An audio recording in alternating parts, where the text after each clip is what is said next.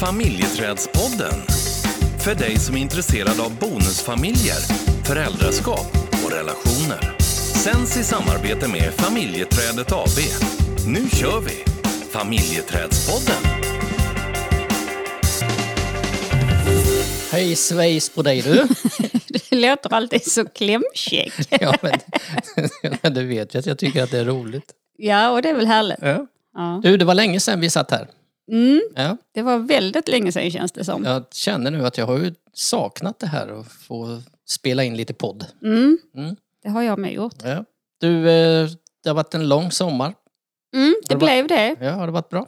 Det har varit eh, alldeles förträffligt. Ja, du har gått här och skrotat runt på gården och Ja, ja, det, det har varit välbehövligt. ja mycket skönt. Mm. Och du, vi, vi är ju inne i en stor förändring. Ja, stor och stor, nu ska vi väl kanske inte För överdriva. omvärlden är den inte så stor, men för oss är den kanske desto större. Det största som har hänt på länge. Ja, nästan. Vi jobbar numera tillsammans 100 procent. Precis. Ja. Och det är ju intressant. Ja. Mm. Det är, intressant var ju också ett bra ord att sätta på det. Nu ser vi sidor hos varandra när det gäller att vara kollegor som vi inte har sett förut. Mm. Ja, vi, vi har ju varit inne lite och jobbat tillsammans. ja har ju, absolut. men nu är det ju på heltid så att det är ju en skillnad. Ja, visst. Man slår upp ögonen och tittar på sin kollega och innan man somnar. Så det Ser man den igen? Det är kanske inte alla kollegor man ska dela säng med. Nej, verkligen inte. Och, ja, men jag var lite orolig för min ställtid. Jag har ju ändå åkt iväg en hel del sådär och, och den har ju varit oerhört viktig för mig. Mm. Det här framförallt innan jag kommer hem, att jag får lite tid för mig själv. Och sitta där och kuckelura och sitta och glo och ja, sånt som jag tycker är, är skönt. Mm. Och här har ju ställtiden, var, var har den tagit vägen? Ja, det är från två timmar ner till en minut. Eftersom vi jobbar hemma på gården så... Ja. Ibland så tänker jag på kalanka och den här fågeln som hela tiden stör. Det är det jag som är den som stör. Ja, ja, ja, ja. jag är ju kalanka. Nej, men det gäller ju att hitta, det gäller att hitta tillbaks, eller tillbaks, men hitta för min del, om det är viktigt för, för mig att ha ställtid, Mm. ja då kanske jag måste dra mig tillbaka någonstans sådär. Ja, jag tänker också att vara tydlig med dina behov. Att nu behöver jag den här ställtiden. Mm. Så att det inte blir att eh, jag bara går och, och tror att du är liksom tillgänglig när du faktiskt behöver din stund. Ja, precis. Har du några sådana där behov som, som du inte har talat om? Som är lite... Hemliga? Ja. Nej, det tror jag inte. Nej. Inte, inte några hemliga behov. Men jag har ju, jag älskar ju promenader med hundarna. Då är ju dels då jag kopplar av och, och, och när jag liksom, ja men när hjärnan får liksom, den blir kreativ under de stunderna. Mm. Och vet du vad? Det är då jag får min ställtid. Så du älskar mina hundpromenader lika mycket som jag av en annan anledning. Har du inte märkt? Ja, men ska du inte gå ut och ta en liten promenad idag? Ja, det är därför. Vad bra att du säger tydlighet är bra. ja, exakt. Ja. Nej, en annan sak som, som är lite roligt också, det är ju det här eh, när man är kollega och när man är eh, privatpar. När man jobbar så här tillsammans. Att ibland får vi ju påminna oss om att nu är vi kollegor. Och att eh, man inte kommer in på men varför har du inte vikt tvätten som jag sa åt dig att du skulle göra när vi har arbetstid. Som, om, som om det skulle hända någon gång att du frågar om tvätten. Nej, ja, men jag kom inte på någonting annat. Nej, fast det, det du, egentligen är det ju viktigt det du säger. Mm. Och det, det kan ju ha Jag Det behöver ju inte ha att göra med att vi faktiskt jobbar tillsammans. För det är ju som du och jag har pratat med. Ibland så kan man vara på jobbet och så händer någonting och så är man på dåligt humör. Och sen så tar man liksom den känslan med sig hem. Ja. Och sen så tar man lite ut det där hemma och kan vara halvt sur och sådär. Det borde vara tvärtom.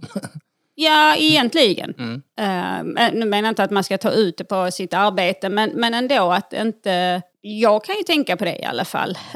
och att inte ta ut någonting Mm. nu är det sällan att jag tar eh, jobbet på det sättet för att jag älskar mitt jobb.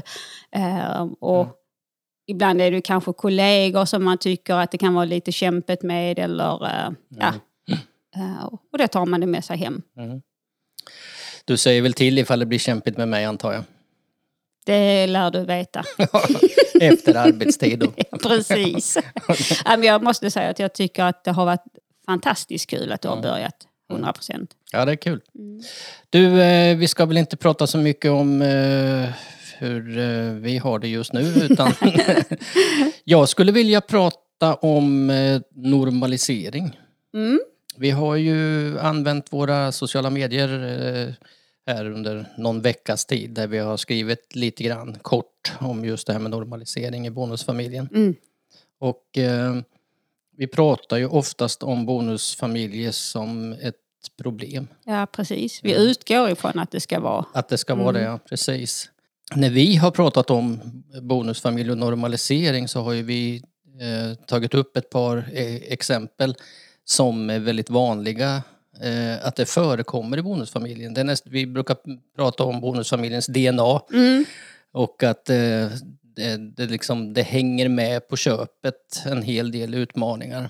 Jag tänker på, vi har ju också pratat, vi har ju haft ett helt program om jag inte minns helt fel om utanförskap och det är väl det är väl ingen tillfällighet att vi kommer in på det också när det gäller ut, eh, att kunna normalisera bonusfamiljen utifrån utanförskapet. Mm. Det är ju många som, som uttrycker just den känslan. Det, det verkar som att det är ett av de vanligaste Mm. fenomenen som, som man kan känna eh, mer eller mindre. mm. Och det är väl en, en erfarenhet också som vi också bär med oss in den här, för för det är ju en ganska otäck känsla att känna att man är utanför. Ja, och den kan ju vara svår att beskriva för sin partner att man känner. För att det kan ju, det kan ju låta som att man är svartsjuk, avundsjuk och har det då med en, en känsla av utanförskap när det gäller ens partner och partners barn. Mm. Så kan det ju vara extra känsligt liksom att att försöka få partnern att förstå vad är det jag faktiskt känner. Och det finns ju många relationer där man kan känna sig utanför. Det kan vara partners som du är inne på, partners barn. Det kan vara släkt, det kan vara vänner, det kan vara ex-partners. Det finns väldigt många situationer där man faktiskt, eh, där det går väldigt fort Mm. att få den här käns- känslan. Exakt. Och, och det är ju, någonstans är det ju ofta förknippat med, om man tittar på bonusfamiljer, så är det ju bonusföräldern och bonusbarn, eller barnet, som, som beskriver de här känslorna. Ja, inte så mycket bioförälder, Nej. eh, utan snarare det som du säger där. Mm. Mm. Eh, Det är ju, det är ju en, en, ett område som, som är väldigt vanligt. Men det finns ju flera eh, eh, saker som är väldigt vanliga. Mm. Eh, Ja, och gränssättning, Mm. olika gränssättningar eller, och att man går liksom in i parrelationer för att någonstans så, om, om man träffar någon annars, eller så, när man ska, skapar en familj så har man ju först liksom fått ihop parrelationen Mm. eh, och sen gemensamt skaffar man ett barn. Sen kan man ju skaffa barn på många olika sätt idag men, men om vi utgår ifrån från det. Eh, men när man gäller en bonusfamilj så kommer ju partnerskapet och föräldraskapet samtidigt i princip. Mm. För barnen är, finns ju redan. Mm. Antingen om en eller båda har barn.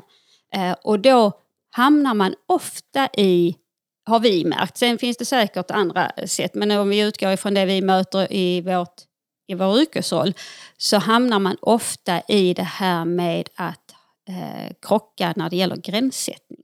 Mm. Att man går in i, i föräldraskapsdelen och tappar partnerskapet. Mm. Det, är- det är ju också en sån sak som, som man kan se liksom att det är faktiskt det som händer. Att man går och krockar i det. Mm. Och det, innan vi fortsätter att gå in på flera områden eh, så tänker jag att när vi pratar om att normalisera i bonusfamiljen så handlar det ju inte om att man ska acceptera allting och, och bita ihop och eh, att man inte får reagera på eh, de här sakerna som, som kan hända. Mm. Utan snarare, det här är vanligt förekommande.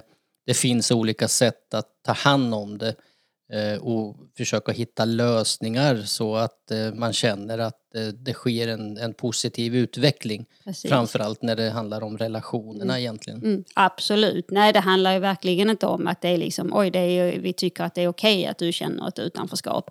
Utan snarare om, genom att börja prata om att det här finns och att det här är väldigt många som känner så, så kan man ju också någonstans känna sig lite mindre ensam. Mm. För är det någonting som, som jag tänker att jag kände mig så var det väldigt, väldigt ensam. Ehm, nu är det ju många år sedan så att det fanns ju inte, precis som jag sagt innan, det fanns ju inte så mycket skrivet om bonusfamilj och det, man pratar inte alls på det sättet. Så att eh, vi det vi vet idag är att det är ju många som känner om de här sakerna. Ja, då kan man Mm. också liksom på något sätt känna sig faktiskt lite mindre ensam. Mm. Någonting som också tycker jag börjar komma mer och mer är ekonomi. Mm. Hur mycket ska jag eh, betala när det gäller mina bonusbarn? Eh, när det gäller högtider, jular, eh, födelsedagar. Min partners, ex-partners eh, Årsdagspresent, present. Ja, precis. Exakt. Och hur mycket pengar ska, ska man lägga på julklappar till exempel? Eh, Det kommer mer och mer den typen av frågor, tänker jag. Eh, Frågor som har mycket med struktur att göra. Mm. Eh, Inte relationer, utan mera praktiska saker. Precis. Eh, Och det finns ju olika, det finns ju jättemånga olika lösningar. Eh, Det gäller ju att hitta sitt eget, sin, sin, egen lösning i bonusfamiljen. Ja, och, och vi kommer ju ha ett avsnitt sen om just ekonomi. Mm. Ehm, och där vi tittar lite mer på djupet på det området. Mm. Någonting som också kommer tillbaka tänker jag är ju när ska jag gå in och sätta regler för mina bonusbarn som, som bonusförälder. När ska jag gå in och ta den rollen? Och det finns en, eh, det kan smygas in en osäkerhet och framför allt om, om jag går in och, och har tagit ett steg fram och i en överenskommelse med min partner också att nu hanterar vi det på det här sättet och sen möter jag ett motstånd. Du är inte min farsa eller du är inte min morsa. Och man, man, man möter det här motståndet som kan göra ganska ont. Mm. Men det, om man möter det motståndet hos ett barn eller hos en ungdom eh, som säger du är inte min mosse eller du är inte min farsa eh, så kan man nog eh, räkna ut att man har gått lite, lite snabbt in i det här med att sätta gränser. Eh, för att det vi jobbar mycket med det är ju att först ha relationen och sen så när man känner liksom och när man märker att Nej, men nu, nu känns det liksom eh, som att vi har byggt eh, och man är överens med sin partner om nu har vi liksom liknande sätt att tänka kring eh, uppfostran och gränser och att det också sen blir tydligt inför barnet att bonusföräldern också har eh, mandat att sätta gränser. Mm. Men ibland kommer man in lite, lite snabbt. Eh, för att man tycker att, ja, men, att man, ja, men man skapar en kontroll och man ser liksom att det finns eh, saker att göra som skulle underlätta både för barn och vuxna. Eh, Medan barnet inte är där. För att många barn vill ju att föräldern är den som sätter gränser. Mm. Em, Så att ibland är, hamnar man i att em, man kommer lite snabbt in. Mm. Att, att man är lite för ivrig för att hjälpa till och utifrån saker som man ser, ja men det där skulle man nog kunna göra på det här sättet istället. Ja, och det finns ju ett stort engagemang. Mm. Ehm, men ibland så kanske man ska stanna upp liksom och se liksom, ja, men hur det här sättet som vi har gjort, är det ett sätt som fungerar för oss? Mm. Eh, och våga göra den utvärderingen och faktiskt också våga göra annorlunda. Mm.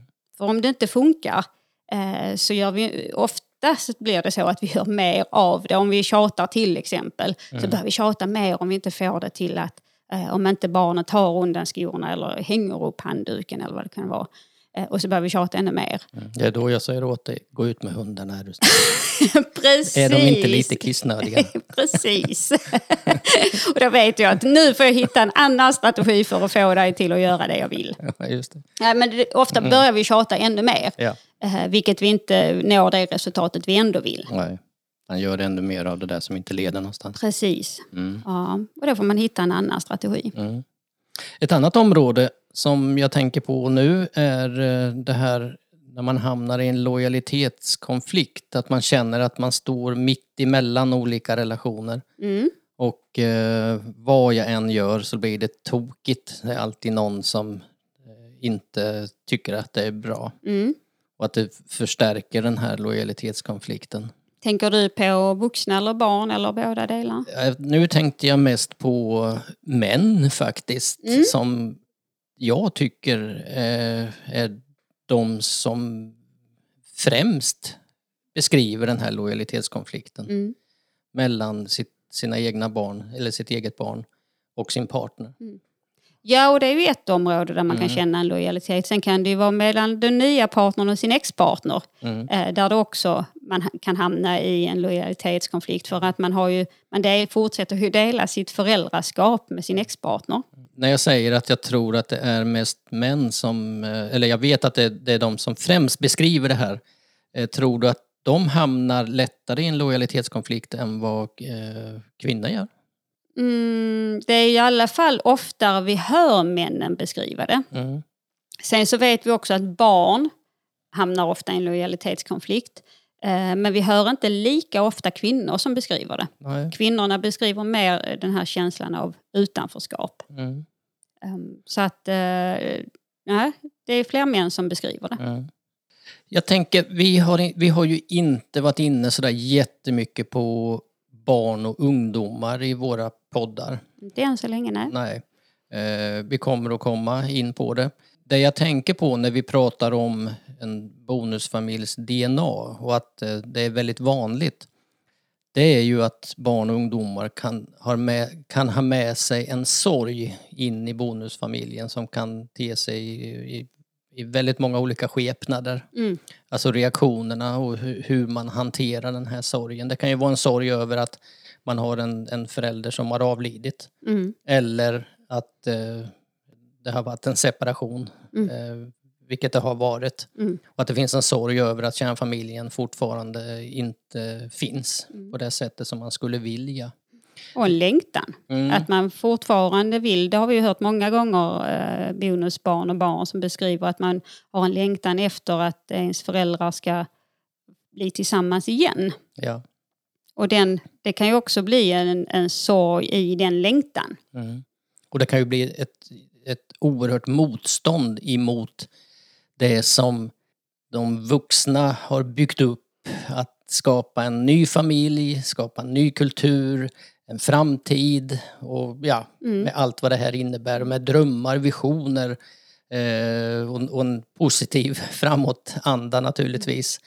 Och sen så har du barn som, som motarbetar det här hela tiden. Ja, och de kanske inte motarbetar det egentligen men de är inte eh, liksom eh, på det sättet som vi tänker att barn bara ska, eller det är inte, vi tänker inte bara att de ska följa men att de är en del av eh, på ett annat sätt för att vi har också ibland missat att prata med barnen.